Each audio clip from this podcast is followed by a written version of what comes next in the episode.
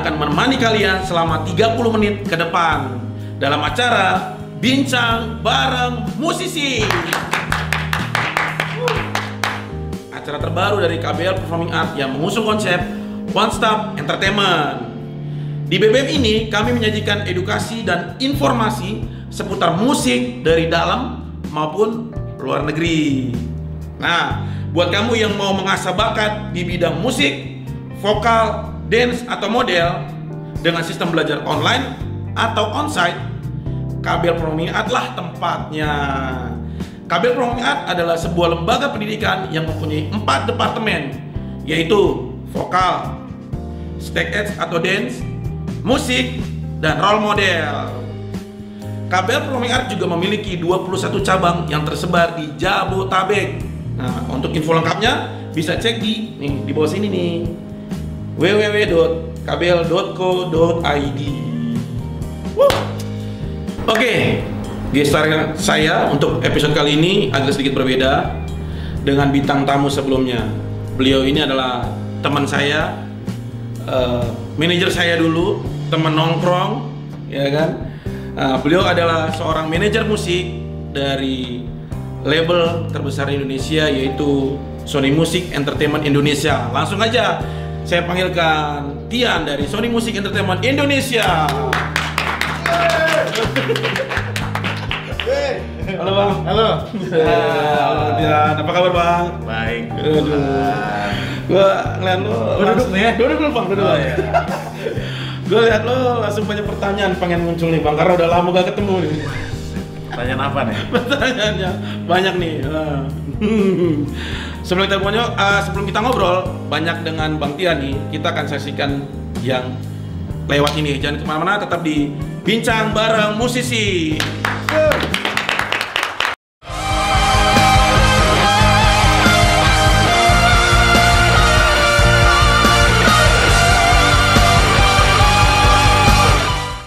Oke, apa bang? Apa kabar nih bang? Baik. Baik. ya. Gitu kan ya. Lagi sibuk apa nih bang? Lagi sibuk jualan ayam. Jualan ayam. oh manajer musik bisa Jualan buka- ayam. jualan ayam ya. Jualan lagi ayam, bisnis Mario. kuliner ya bang ya. Gua lagi bisnis kuliner, lagi mencoba. Mencoba ya. Karena kan di sisi pandemi sekarang seperti ini kita nggak boleh eh, istilahnya diam berdiri Hmm.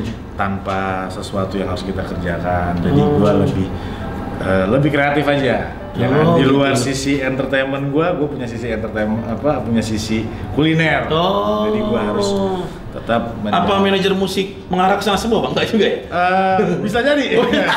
bisa jadi. Bisa jadi karena ada beberapa manajer lain juga eh, teman-teman manajer artis juga yang Hmm. lain ada usaha baik itu kuliner makanan, minuman Hmm. ada juga. Oh gitu. Nah buat teman-teman nih, Bang Tian ini dia itu tahu dong lagu dari matamu matamu. Nah tahu kan? Di itu oh, bukan itu itu dari eh, lagu dari Jazz nah Bang Tian ini dia ini manajer dari Jazz ya Bang ya Iya. Iya, manajer dari Jazz dan juga beberapa penyanyi lain seperti Fat to Black, Good Morning Everyone, Yefta dan teman tidur dan masih banyak lagi deh di Sony Music. Nah, tepuk tangan dulu dong. Yeay. Luar biasa. Bang, gimana rasanya memanajeri artis Bang? Seperti Jazz, Fat to Black atau yang lainnya Bang? Manajer artis. Enak ya? Hmm, enaknya gimana? Enaknya ada, nggak enaknya ada. Enaknya apa? itu? Enaknya jalan-jalan terus. Oh jalan-jalan terus ya. Berarti Apalagi kalau artis- udah keliling Indonesia luar Iya, negeri juga iya, ya. Iya, kan pernah sama lo. Oke. Jadi ya enaknya adalah kita bisa mengeksplor lebih jauh lagi ujung ke ujungnya Indonesia ataupun bisa kita keluar negeri juga event-event di luar gitu. Waktu lu luar negeri gimana bang? Sempet lu kunjungin? banyak lah ada beberapa negara, eh, tapi kita lebih banyak event di Jakarta. Hmm. di Jakarta. Di, di Bang? apa di Indonesia? Di ya. Indonesia ya. Oke luar luar. Nah bang, bedanya nge-manajerin artis solo sama band ada bedanya nggak bang? Ada bedanya dong. Kalau solo kan satu, kalau band kan banyak kan. Oh, gitu ya? repotnya ada repotnya nggak bang? Maksudnya ada repot nggak di di solo sama di band ada nggak sih? Kendala Eh, kendala lo bang selama manajerin? Kalau kendalanya bedanya sih ada satu eh, solo dengan band. Hmm. Band itu kita harus megang beberapa kepala ya. Hmm. Istilahnya eh, nggak cuma sekedar si vokalisnya. Hmm. Mungkin kita bisa pegang semuanya harus rata gitu. Jadi menginfokan ke artisnya itu bukan cuma pegang dari si vokalis, Hmm. tapi ya semuanya harus kita sama ratakan. Oh, gitu Tapi ya. kalau untuk solo Hmm. kita lebih praktis sih. Sebenarnya secara secara individu kan cuma dia doang yang gue tektokin Hmm. kan gitu. Hmm. Jadi baik pun info event ataupun Hmm. info manajemen Hmm. gitu ya, Hmm. perjadwalan dan lain-lain, gue lebih gampang ke solois. Oh, gitu. oke, Tapi kalau untuk band, gue Hmm. lebih sus- susahnya adalah kadang yang satu udah bangun, yang Hmm. satu belum bangun gitu. ya kan? Jadi lo harus eh, info, harus lebih sabar, Nah, nah. harus lebih teliti lagi. Hmm, hmm, Itu hmm. sih kalau dari gue. Oh gitu. Berarti lo eh, dulu band itu eh, yang pernah lo manajerin ada ya bang? Ada beberapa kayak uh, Baginda, Baginda, ya. terus ada Drive, Hmm. tapi Drive yang edisi bukan edisi ya, yang Hmm. vokalisnya Tirta, mungkin Hmm, dia hmm, lelah. hmm. Terus ada uh, Eden Band, Hmm, Iden. terus gua ada uh, Fat to Black, Hmm. terus gua sekarang ada Good Morning Everyone, sama ada si uh, Yefta dan teman Nah, tidur. Nah, gue mau nampilin nih bang satu nih. Boleh. Nah, lo langsung jawab ya. Iya. Nah, ini gue ada di eh, tayangin. Nah, menurut lo ini siapa? Ini adalah Novita Dewi. Bos lo juga. lo kan juga dulu ngiringin dia ya kan? Dulu Mario musik director Novita Dewi. Menurut lo seorang dulu kan lo manajerin dia nih. Menurut lo seorang Novita Dewi di mata lo Dia waktu itu zaman penyanyi wanita yang menurut gua punya karakter vokal yang luar biasa. Uh. Dia dia dia dia juara dua tapi dia Hmm. punya karakternya bisa jadi juara satu kalau orang yang mengerti Hmm. musik ya. Hmm. Karena menurut gua pola pandang gua pribadi untuk Novita adalah dia penyanyi yang komplit Hmm. menurut gua gitu. Ibarat kata lo beli beli paketan udah komplit tuh dia tuh Iya, ya kan. ah. Satu cantik, kedua suaranya garang ya kan, ketiga eh, aksi panggungnya udah nggak usah lo takutin ya kan. Dia udah all out ya kan, ya kan. Ya itu doang. Oh, gitu, gua sih iya. itu sih Novita Dewi. Iya. Kuat Sampai kan? kalau dihitung-hitung kita dulu sebulan itu cuman Lima- lima empat hari bang kali di rumah ya bang? Iya. Dalam sebulan kali ya? Iya. Ini Bang Tian nih yang Kita sebulan bisa 15 sampai 18 event. Satu bulan. satu bulan tuh gila teman-teman. Bang Tian nih jobnya. nah nih itu lagi bang. Nih gue mau nunjukin sama lu. Nah ini siapa bang? Aduh, ini eh, Isyana Sarasvati. Masih di Eh, kebetulan kalau sekarang gue udah nggak megang dia, Iya. tapi waktu di awal gue megang dia. Oh, Eh, itu pun masih single yang pertama ya, Mhm. masih Keep Being You sampai mau masuk tetap dalam jiwa. Hmm. Setelah itu aku udah nggak megang dia lagi, tapi tetap masih di Sony. Hmm. Oh, masih di nama manajemen Masih di Sony ya? satu satu manajemen kita. Oh gitu. Nah satu lagi nih bang, gue mau tunjukin. Nah ini siapa bang? Ini aku cuma punya hati. Kita lestari. Kita Lestari ya, Bang, ya. Ini juga artis eh, solois wanita gua yang istilahnya Dari nol juga yang lu pegang. dari eh, kalau dari nol mm, enggak ya. Hmm, Maksudnya atau? dia juga udah pernah rilis beberapa single dengan dengan manajer yang lain. Hmm. Kebetulan kalau gua megang dia dari 2014. Uh. 2014 ke 2016 ya sekitaran 2 tahunan lah. Hmm. Jadi ada satu albumnya dia tuh yang aku cuma punya hati. Itu dari aku Hmm. juga dan Hmm. sama Sony Music. Hmm. Gitu. Hmm. Nah sekarang bang lagi ini siapa bang? Ini Eden. Ide. Ini Eden, ini dulu artisnya band Sony juga. Ah, ah. Dia pop pop pop ya pop Indonesia ada alternatifnya juga. Hmm. Berapa lama lu pegang dia? Manajerin dia? Ya hampir dua tahunan lah. Hampir Dua tahunan ya? Hampir dua tahunan. Cuman sekarang udah udah udah jalan sendiri, nggak tahu ke mana. Hmm, gitu. Nah, yang paling atas nih bang, gue mau bahas. Dia kan rapper ini kan udah orang pasti udah tahu lah dari zaman masih di sama Bondan Prakoso ya. Iya. Nah, berarti sekarang lebih pure lo banyak yang pegang nih. Iya, eh, sebenarnya gua megang Bisa cerita nggak sih bang? Fade to Black lu awalnya bisa lu bisa lo manajerin itu gimana bang? Sebenarnya gua zamannya Bond dan Fade to Black ya sudah lah dan lain-lain itu sebenarnya gua udah kenal mereka. Tapi posisinya gua masih sekedar sebagai IO, Nah. event organizer. Hmm. Nah kebetulan gua dulu zamannya gua masih event organizer, gua udah kenal mereka nih zamannya masih hits-hitsnya mereka nih. Hah. Itu punya berapa single yang hits lah ya, Hmm. termasuk ya sudahlah. Hah. Nah, begitu gua masuk ke Sony dari 2012 sampai sekarang, Hmm. kebetulan 2000 sebenarnya gua megang Novita itu gua udah megang mereka juga. Oh gitu, udah Gitu. jalan dengan udah jalan, tetapi Black. Fade to Black, tapi memang eh, ada beberapa proses yang mungkin zamannya Bond dan to Black belum belum belum selesai ya Hmm. kan. Jadi gua masih nunggu tuh. Hmm. Jadi gua nggak bisa ngapa-ngapain. Nah, begitu 2014 ke sampai sekarang Hmm. pure gua megang anak-anak sampai detik ini gua pun masih masih Masih, baru mau ngeluarin baru ngeluarin Single, album album.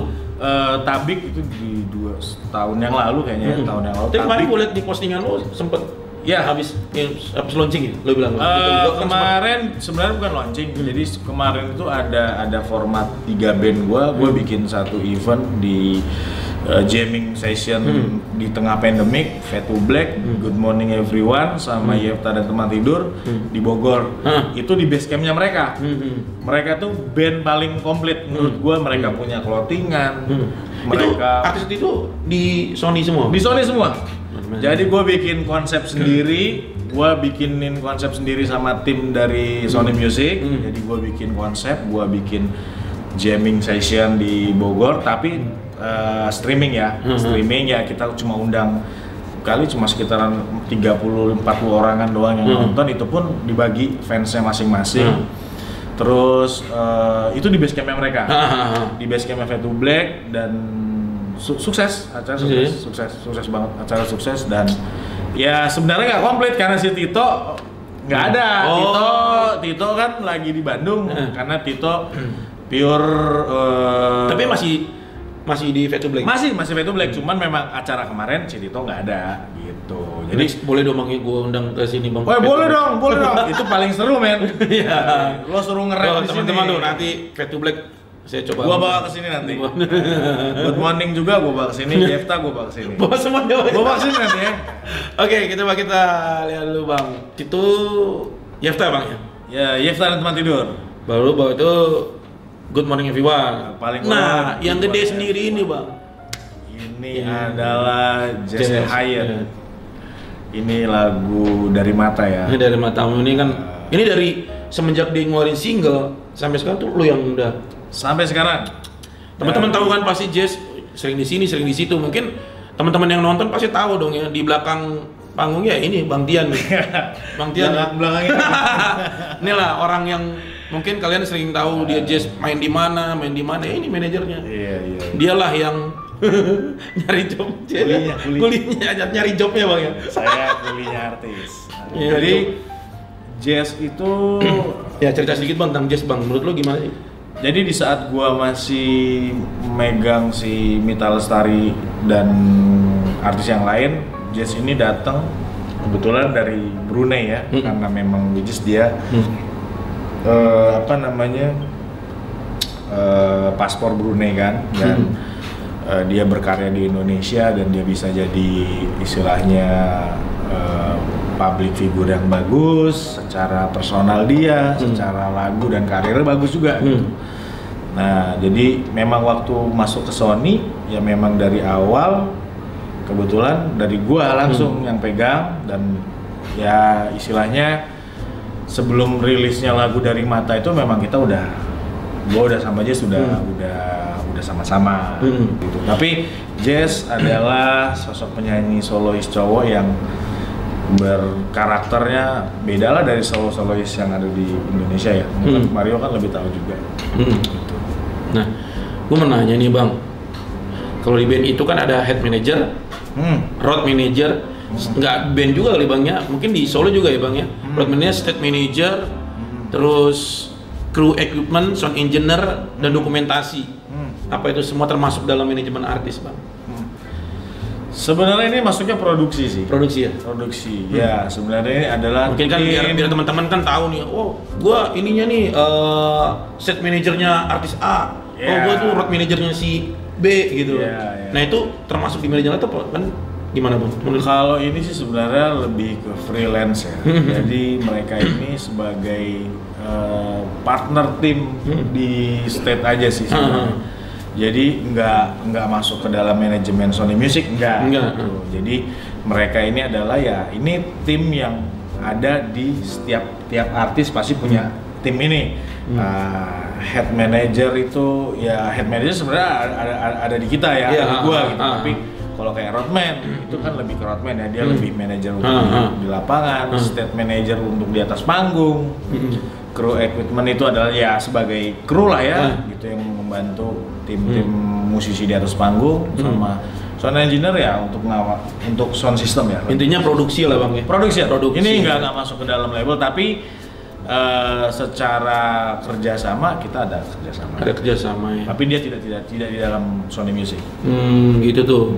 Nah sekarang gue mau nanya bang, suka duka menjadi manajer artis. Nah lo boleh cerita nggak? Suka, Suka duka lo menjadi Ah. manajer seorang menjadi manajer artis kan lo udah udah berapa tahunan bikin Iya, artis iya, kan? iya. Ya gue dan gue sebenarnya tahu gue. Gue sebenarnya tahu loh. Ya, Lo- tahu lo sebenarnya. Sebenarnya tahu dan lu sebenarnya udah curhat dulu kita kan ya. Curhat di kamar. Sekamar kan kita sering Sekamar. sekamar ya berapa berapa tahun itu iya. ya? 2013, 14, 15 lo ya. Tiga tahun gue sekamar sama Mario. Iya kan? Enggak lo. Tapi- Suka suka itu bang, suka berdukanya menjadi Ya, suka dukanya Eh, mungkin kalau sukanya yang gue bilang tadi ya eh, di awal sukanya tuh ya kita bisa explore jalan-jalan Hmm. bisa sambil kerja sambil eh, jalan-jalan ya kan yang ada kayak gitu cuma manajer artis loh Iya. Kalau manajer perusahaan nggak ada kayak gitu. Ya tapi kalau manajer artis itu ada loh. Bisa kita bisa kuliner explore tempat wisata ya kan? Udah gua rasain jadi terus gratong lagi Jo. Gratis. ya nggak? Gratong loh. Udah lo pesawat naik Garuda. Iya. eh sorry. Nggak apa ya. Nggak apa ya. Eh, pesawat lu dibayarin hotel bintang 4 bintang 5 ya Iya. kan? Makan tinggal pesen ya nggak? Gitu. Sebenarnya tuh orang kerja di entertain sama artis itu apalagi penyanyi itu udah enak hidupnya. Iya. Gitu loh ya kan? Jadi jangan dibikin susah Iya. ya nggak? Nah. Eh, apa namanya dukanya ya kadang ada artis ada artis yang gampang kita eh, manage ada artis yang agak susah kita manage. Itu aja sih. Jadi kadang gue juga nggak mau egois ya. Hmm. kadang gue juga eh, apa menemukan hal-hal seperti itu dengan artis. Debat Hmm. debat masalah apa namanya hmm, manajemen dan ataupun debat masalah pekerjaan. Itu sudah biasa. Itu biasa sebenarnya Eh, setiap pekerjaan pasti kan ada resikonya kan Iya. ya kan? Gitu. Jadi nggak mungkin cuma seneng-seneng. Jadi menurut gua fun aja sih. Mhm. kalau gua karakter suka memegang artis yang yang yang ribet deh. Artis yang ribet aja deh gitu loh ya. Jadi gua eh, ada adrenalinnya jadi bekerja kita. Kalau artisnya gampang-gampang kan enak banget ya Iya, kita ya, iya. ya kan? gitu. Jadi Mario jangan senyum-senyum. Jadi Mario tahu sebenarnya Deh, gue mau nanya nih. Deh, Bang, gue mau nanya nih. Hmm. Kalau manajer eh, artis baru itu, kan ada artis baru nih kalau di Hmm. Mas Imam. Hmm. Itu artisnya yang milih atau label dari labelnya yang milih Maksudnya gimana nih? yang sounding. Jadi kalau ada artis baru nih Hmm. masuk Sony, itu dari dari artis sendiri yang memilih. Aku pengen manajerin sama dia. Atau a- dari artis yang milih atau dari labelnya bang? Oh, Oke, itu berarti personal manager ya. Aha. Ya, Kalau kayak begitu sih sebenarnya tergantung balik lagi ke SOP masing-masing label ya Iya. atau Soalnya kan yang gue baca kan suka kadang-kadang di salah satu sosial media artis kan ada dua nih. Hmm. Ada artis uh, manajernya si A, tiba-tiba di bawahnya tuh ada label dari artis eh, manajer dari label tersebut gitu loh. Menurut itu siapa sih bang sebenarnya yang milih kalau kayak gitu? Sebenarnya kalau personal manager itu lebih ke si personal artisnya. Itu dia bawa ini personal manager gua Hmm. gitu. Tapi kalau kalau memang kayak gua gitu kan ya gua duduk di satu artis manajemen di satu label di Indonesia ya berarti gua uh, manajemen manajemen artis di Sony Music Ah, gitu. ah, ah. Nah, tapi ada juga artis uh, lain gitu ya uh, punya personal manager tapi mereka uh, ada di label juga. Punya artis label uh, punya manajer art- uh, label dari si labelnya itu sendiri gitu. Tapi sama sama sih se- sebenarnya semuanya bisa didiskusin bareng-bareng kalau misalkan si artis yang mau bawa sendiri personal ya nggak apa-apa kalau memang ketentuan dari label itu membolehkan ada personal manager silakan gitu. tapi kalau di Sony Music eh, rata-rata kalau artis baru Hmm. jarang ada sih personal manager Hmm. rata-rata artis yang udah besar Iya. uh, gue nggak perlu sebut merek Iya. ya artisnya ya jadi uh, artis yang udah besar yang mungkin kalian tahu juga udah punya hit single yang udah berapa Iya. yang banyak ya mungkin dia uh, maksudnya ada personal manager itu adalah meringankan Hmm. manajer-manajer di label karena manajer label itu nggak mungkin cuma megang satu manajer Hmm. eh nggak mungkin cuma uh, satu artis Hmm. kayak gua Hmm. gua nggak megang cuma jazz gua ada empat artis kan Iya. gitu nah kebetulan eh gue juga mem- mem- mem- memperbantukan tenaga gua ke kayak ke artis yang lain juga gitu kayak yang nggak nggak ada di gua gitu kan kayak eh, misalkan Jazz ada event tiba-tiba eh, apa artis yang lain di luar Jazz misalkan Cinta Laura Iya. gitu ya dia dia ada event juga gua diperbantukan ke Cinta Laura nggak apa-apa karena masih satu manajemen gitu tapi Oh. kalau semisalkan lo lo bertanya eh, itu dari siapa kebijakannya? Kalau personal manager itu kebijakan dari artisnya. Iya. Tapi kalau dari personal apa em, PIC label Hmm. itu dari labelnya. Iya. Nah, gue nanya nih bang, kalau job desk lo sendiri di sebagai manajemen manajemen artis itu apa sih? Gua adalah kulinya artis. job desk lo maksudnya? Job desk gua. Orang nanya apa sih job desknya seorang manajer Nah, artis sih? ini ini juga ada ada ada ada istilah-istilah begitu juga nih Iya. banyak nih beredar nih bukan banyak beredar ya wah lu manajer artis banyak duit dong ya, Nah, iya. ya. padahal susah juga gue jualan ayam makanya kan. ada juga yang bilang wah lu enak kan hidup dengan artis gitu ya sebenarnya eh, enggak sih kita sih sama aja ya Hmm. maksudnya eh, gua eh, job desk gua adalah satu yang yang jelas ya gue bisnis manager Hmm. yang jelas itu gue cari event satu cari off air Mm-mm. Kalau untuk on air kan otomatis kan ada orang promo radionya Hmm. di, di setiap man- manajemen atau setiap label pasti ada.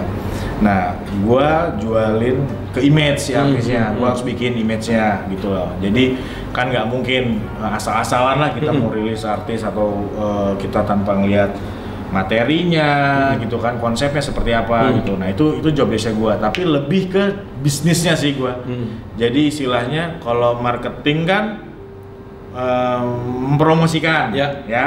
Kalau ANR memasak materinya ya. Hmm. Jadi kalau digi- eh, tim marketing itu istilahnya ya dia yang memasarkan baik itu di digital Hmm. ataupun di di platform-platform yang Hmm. mana pun Hmm. itu itu Hmm. itu tugasnya marketing. Tapi Hmm. kalau untuk aku artis manajemen adalah aku lebih ke bisnis si artisnya sendiri. Oh gitu. Ibarat kata cari duitnya lah gitu Hmm. jual-jualin artisnya hasil Oh. karyanya kurang lebih kayak gitu Oh, dijawab ya teman-teman ya. Iya, Udah tahu iya. semua tuh dibuka semua tuh. Iya. Isinya label. sama Nah, tadi tuh gue ngeset si tim produksi yang tadi yang lo tanya tadi Oh, tuh, tadi, kayak ah. head crew dan segala macam Hmm. gitu tapi Hmm. itu di luar eh, manajemen Hmm. gitu jadi gue ngeset tim itu juga Oh gitu. Nah, gue lihat kan artis lo ini ada Jazz, ada Fade to Black, Good Morning Everyone.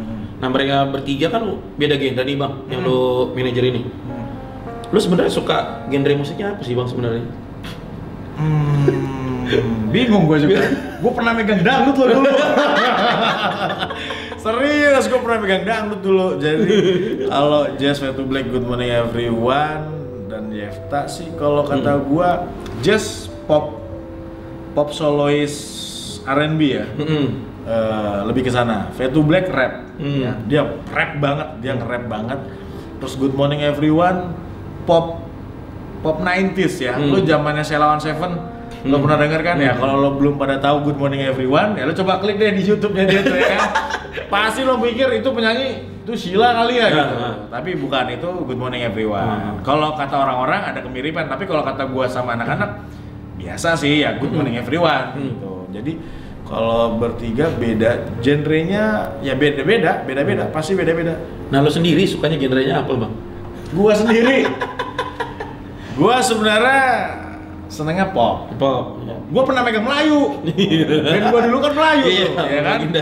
Bertahan satu cinta. Iya lah. Eh, dulu gua Melayu. Juga dulu sempat ini bang. Ya, satu manajemen, Manajemen satu dulu. manajemen, tapi pure gua megangnya Baginda. Oh, oke. Gitu. Tapi kalau gua pribadi ya gua suka musik yang eh, mau dibilang suka rock, gua suka rock. mau dibilang pop, gue suka pop, Hmm. ya kan. Bilang dangdut, siapa yang nggak suka dangdut ya kan? gitu. Ya sebenarnya musik gue universal, tapi gue lebih ke pop sih. Pop ya. Nah bang, ini agak sedikit gak enak pertanyaannya. Lu pernah nggak sih konflik sama artis sendiri? Waduh. Ini jawabannya ngejebak gue kan?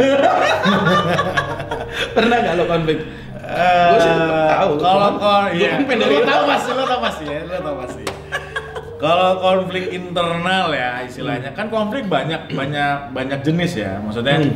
konflik sifat, konflik kerjaan Hmm. ya kan. Cuman intinya satu, gua tidak pernah konflik masalah eh, apa eh, yang berat lah ya istilahnya Hmm. atau eh, menjurus ke yang eh, negatif atau orang punya pikiran yang jelek itu gua nggak pernah ada. Ya kalau konflik masalah kerjaan dan state di atas panggung biasa Hmm. sih kalau menurut gua ya gitu. Karena kan setiap orang juga jangankan sama artis sama bini gua aja gua pasti konflik men. Kalau nggak pulang lo pasti dicariin kan? Lo juga begitu kan? Ya enggak sebenarnya kalau konflik itu nggak usah eh, ada aja lah Iya. Kurang lebih begitu Gue bisa baca sih bang dari mata seru seru seru, seru. Oke, luar biasa. Kita tangan dulu. Nah, ini pertanyaan gue agak sedikit menyimpang nih bang. Gue mau tanya soal yang lagi rame nih di industri musik kan Hmm. mengenai hak cipta. Nah, menurut lu itu gimana?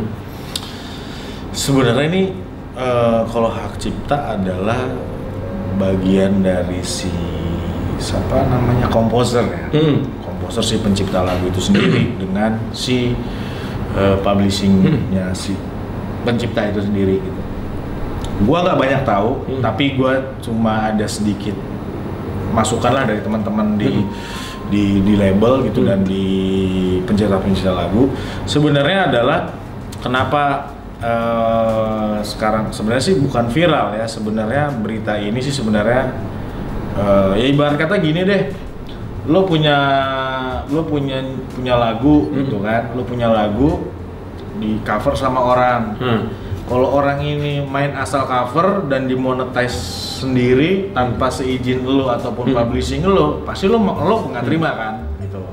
Nah sebaliknya, kalau memang itu lagu di cover sama orang lain dan tidak dimonetize, tapi nama lo dibawa-bawa, sebenarnya kan bagus juga, Hmm. ya kan? Sebenarnya sih sebenarnya sesama sesama musisi saling mengisi kan. Hmm. gitu. Tapi balik lagi sih ke masing-masing. Kalau gue pribadi melihat dari segi ini adalah eh, semua punya punya punya tanggung jawab masing-masing. Gitu. Hmm. Kalau gua terus terang kalau masalah ini gua nggak nggak nggak terlalu tahu terlalu banyak gitu. Tapi yang gua tahu adalah ya memang publishing ini adalah rumah eh, rumahnya para komposer para Hmm. pencipta lagu. Ya sekarang kalau emang lu pakai pakai lagunya orang dan lu harus ya lu harus wajib lu harus ngomong, lu harus minta izin ke yang bersangkutan gitu. Itu aja sih. Lebih jalurnya ke sana. Nah, pendapat lu nih bang dari pandangan publisher, karena kan lu kan banyak kerjasama dengan pihak label musik juga nih. Hmm. Pendapat lu tuh gimana tentang publisher ini? publisher publisher ini kan wadah ya maksud gua. Dia kan cuma si wadah si siapa? Para komposer.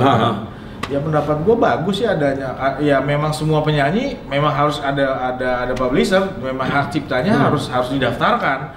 Menurut gue itu bagus banget Hmm. banget. Dan itu sangat mendukung para komposer-komposer ya. Hmm. setidaknya eh, yang gue bilang tadi oh, jadi orang nggak seenaknya mau pakai Hmm. mau pakai karya orang gitu loh. Dan karya orang itu kan tidak bisa dipindah tangan kan, Hmm. ya kan? Tapi dikelola bisa, ya Hmm. kan?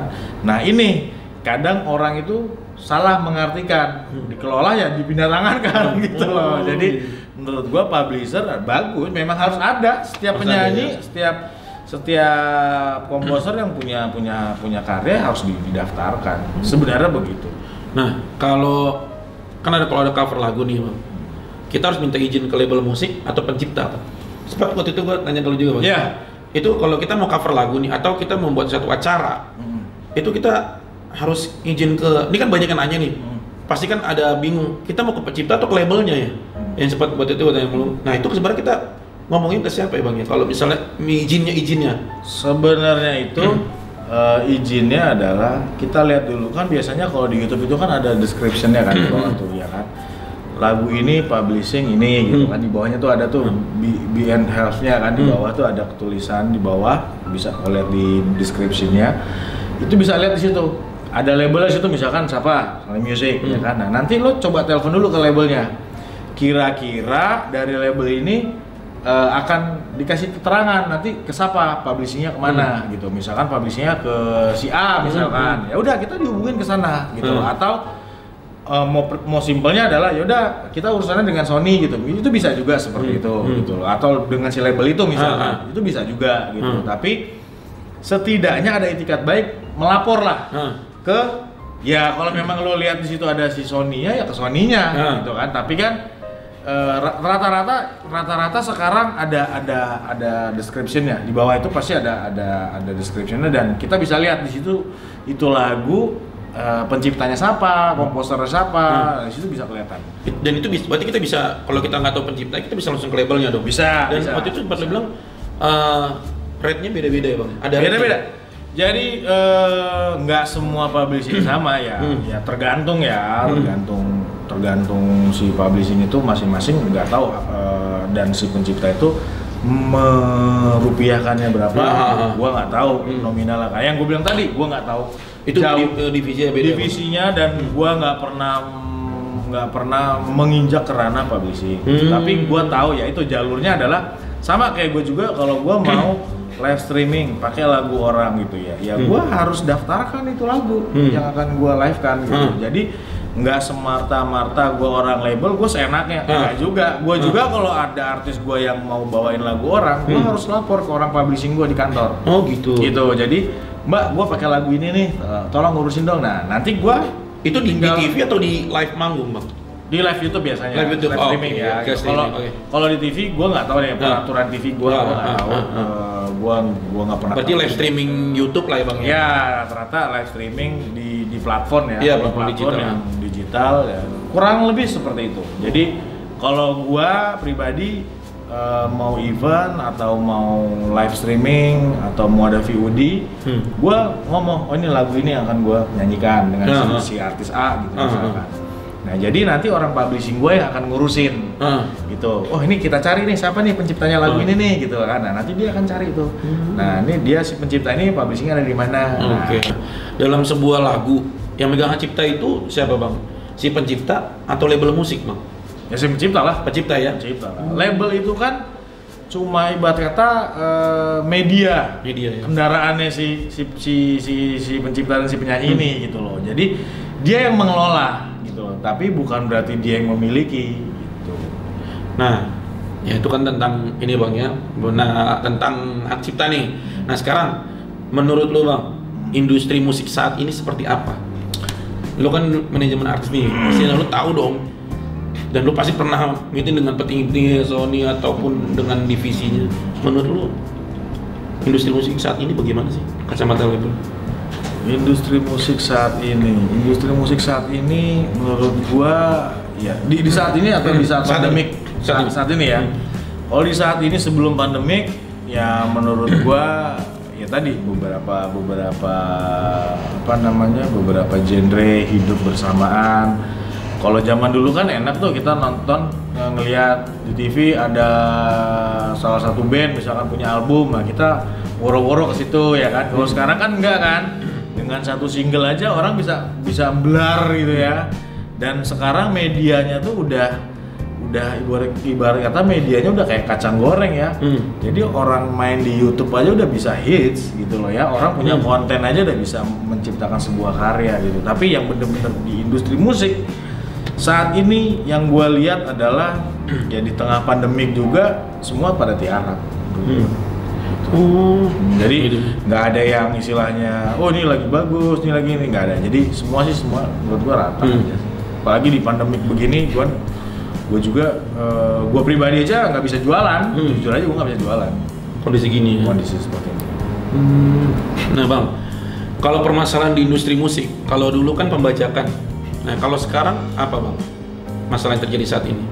dan dulu pembajakan sekarang Yang belum selesai ya penyelesaian ini? ya ya itu yang banyak eh, seperti eh, apa namanya eh, orang mengcover Hmm. gitu kan jadi sebenarnya eh, kayak orang musisi-musisi kafe gitu ya Hmm. misalkan dia mau bawain lagu orang gitu sebenarnya bukan si si musisinya ini yang harus melapor tapi si kafenya ini Oh. si tempat penyelenggara ini yang harus izin gitu Hmm. loh. Ini lagunya apa-apa gitu loh. Jadi eh, tidak tidak apa namanya tidak menyalahkan si musisinya. Hmm. Sebenarnya si musisinya mah fun-fun aja kan. Dia datang ke situ dibayar. Benar kan untuk menghibur ya kan. Hmm. Nah, yang harus bertanggung jawab atau eh, merealisasikan lagu yang apa yang akan di cover lagu-lagu di musik di kafe itu ya si punya tempat gitu. Hmm. Nah si kafe itulah harus melaporkan segala bentuk eh, cover-cover lagu si home band itu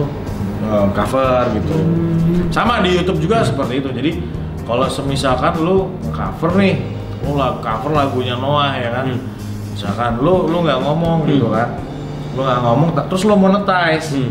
Ya pasti nggak akan pasti di take down dong. Ah, ah, ah. Nah, zaman sekarang kan udah udah canggih lo cover lo monetize tapi lo nggak ada perizinan lo pasti di take down pasti Hmm. lo di banned kan itu Hmm. turun tuh dari Iya. turun dari YouTube kan ditutup kan gitu jadi sebenarnya sih sekarang lebih eh, lebih teratur ya Iya. dari, dari zaman dulu. Kan kalau dulu kan zaman CD tuh Hmm. lo pergi ke kotanya banyak banget tuh ya di CD jangan video musik ya nggak Iya. video Yang aneh-aneh ada gitu kan?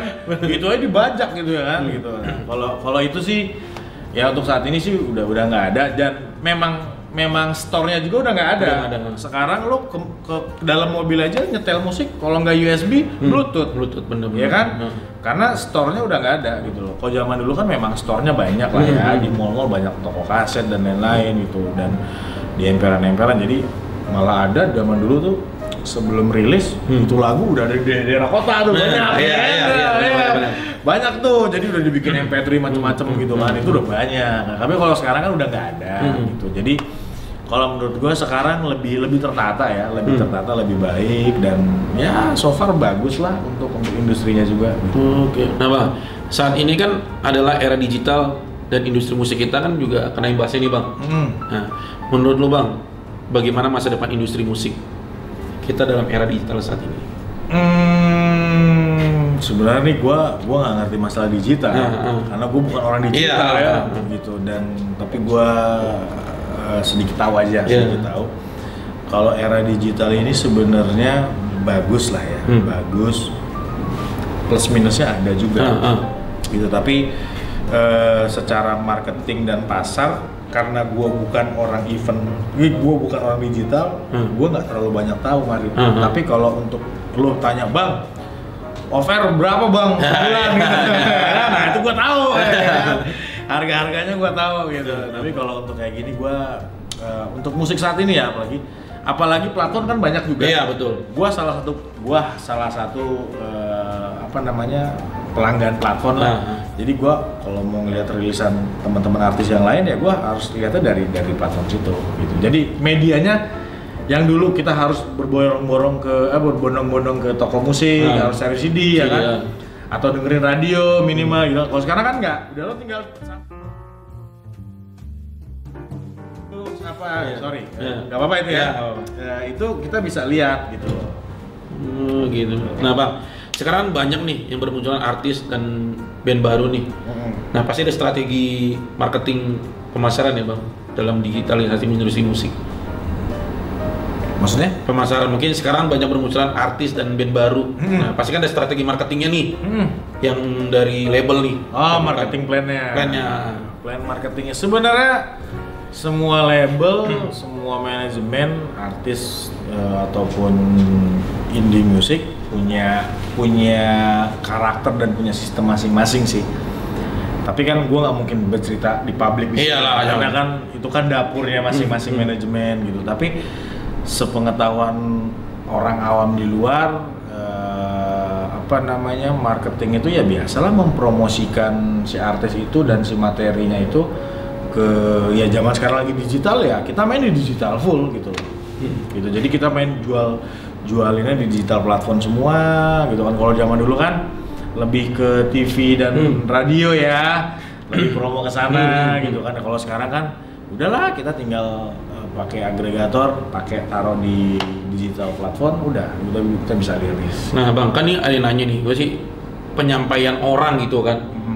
Mungkin banyak kan kayak penyanyi-penyanyi baru, band-band baru selalu bertanya gimana sih caranya bisa masuk ke label sebesar Sony Music ini? Pasti kan mereka pengen gimana ya caranya gitu loh bisa masuk ke label sebesar Sony Music ini gitu loh. Ada nggak sih misalnya eh, Syarat-syaratnya. ah, mungkin yang lo, lo harus lo ini karena kan lo bagian dari manajemen artisnya nih yang bagian nanti yang mungkin kayak untuk job manggungnya ada nggak sih Sebenarnya- untuk supaya penyanyi-penyanyi baru band baru ini bisa masuk dapat ke dapat dapat infonya ya dapat infonya gitu Sebenarnya sih simple ya masuk Sony atau masuk ke label mana Label pun lah mana, ya. ah.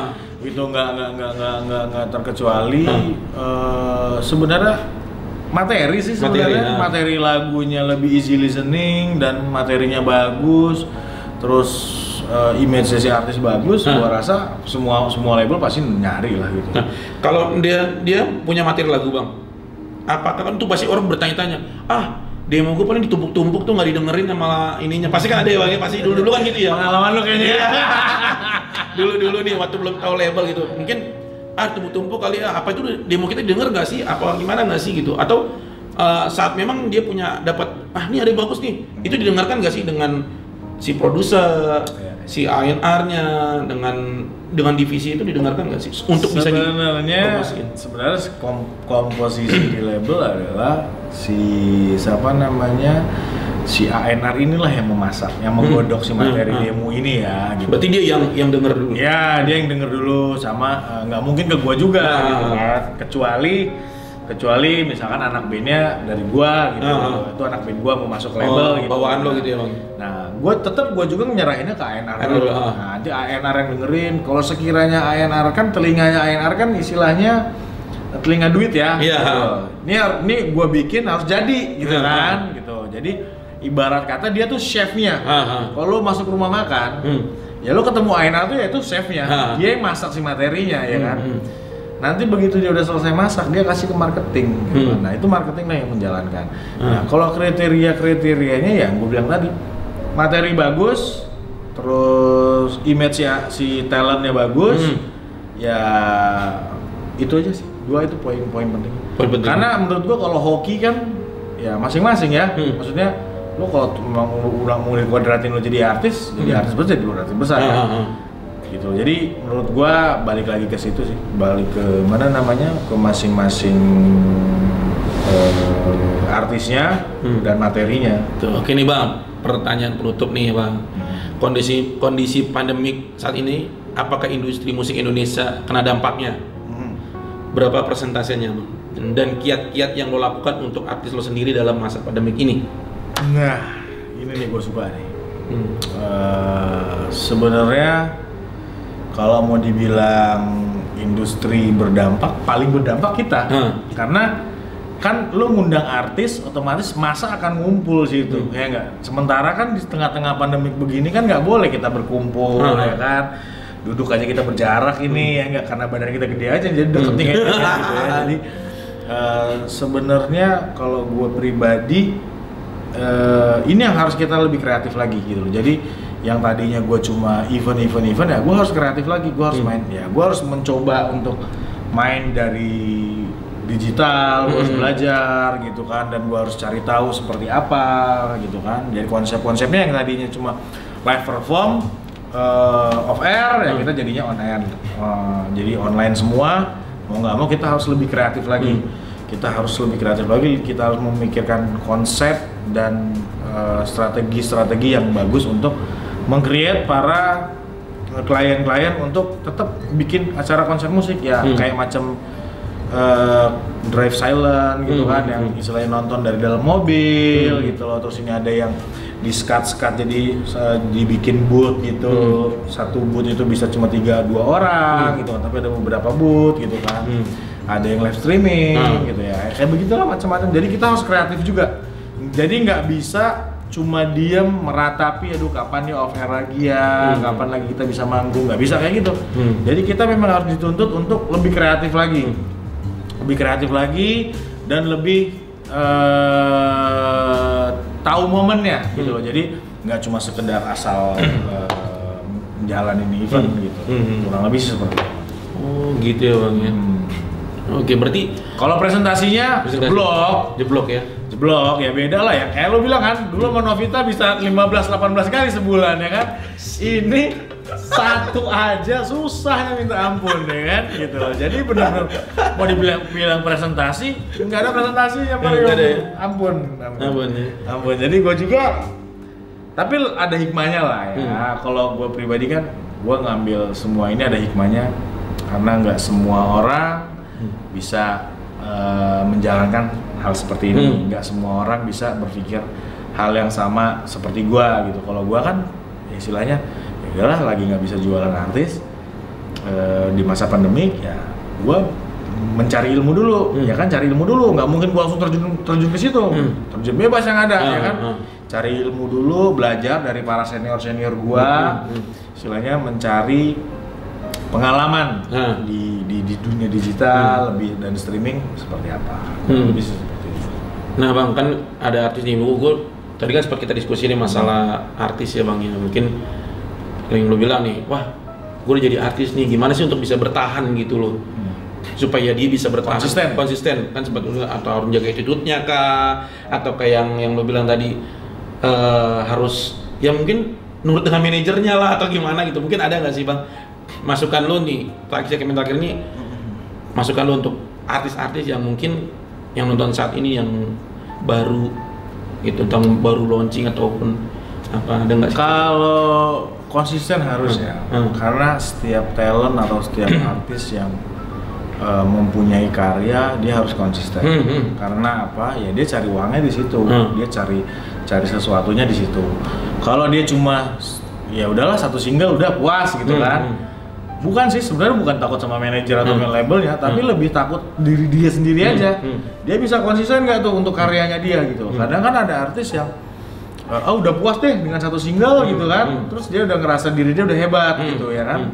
tapi balik lagi gitu Hmm. loh Uh, dengan satu single lu nggak bisa sebesar lu punya album Hmm, hmm. kan gitu Hmm. jadi ya sebenarnya banyak banyak berkaca dari para senior senior artis yang udah ada Hmm. Dan mereka punya karya yang bagus-bagus gitu. dan gua selalu ambil contoh ke sana sih jadi Hmm.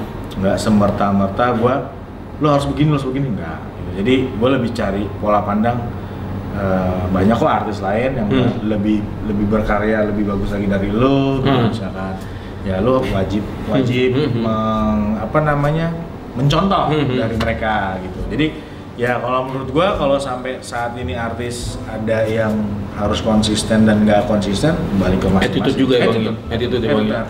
karena ada artis kan yang gampang diurusin ada Hmm. yang ada yang agak susah Hmm. tapi rata-rata semua artis bagus Hmm. maksudnya semua artis punya punya segmennya masing-masing Hmm, hmm. gitu Oke, beri tepuk tangan dong. Yo! Oke, sampai juga kita di segmen akhir acara ini.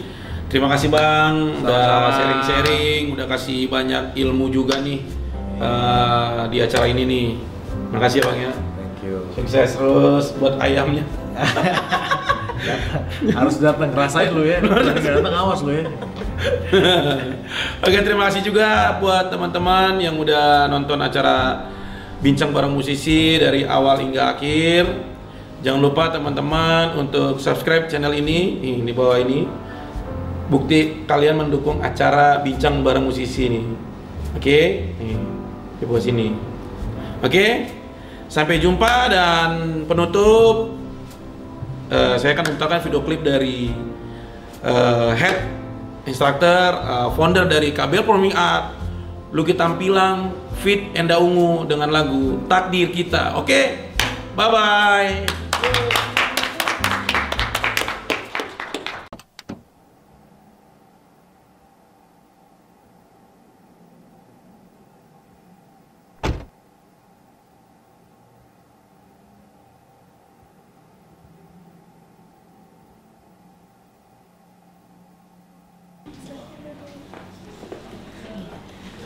Iya. Terus jam berapa? Sebentar lagi 10 menit lagi ya. Saya tunggu ya. Iya.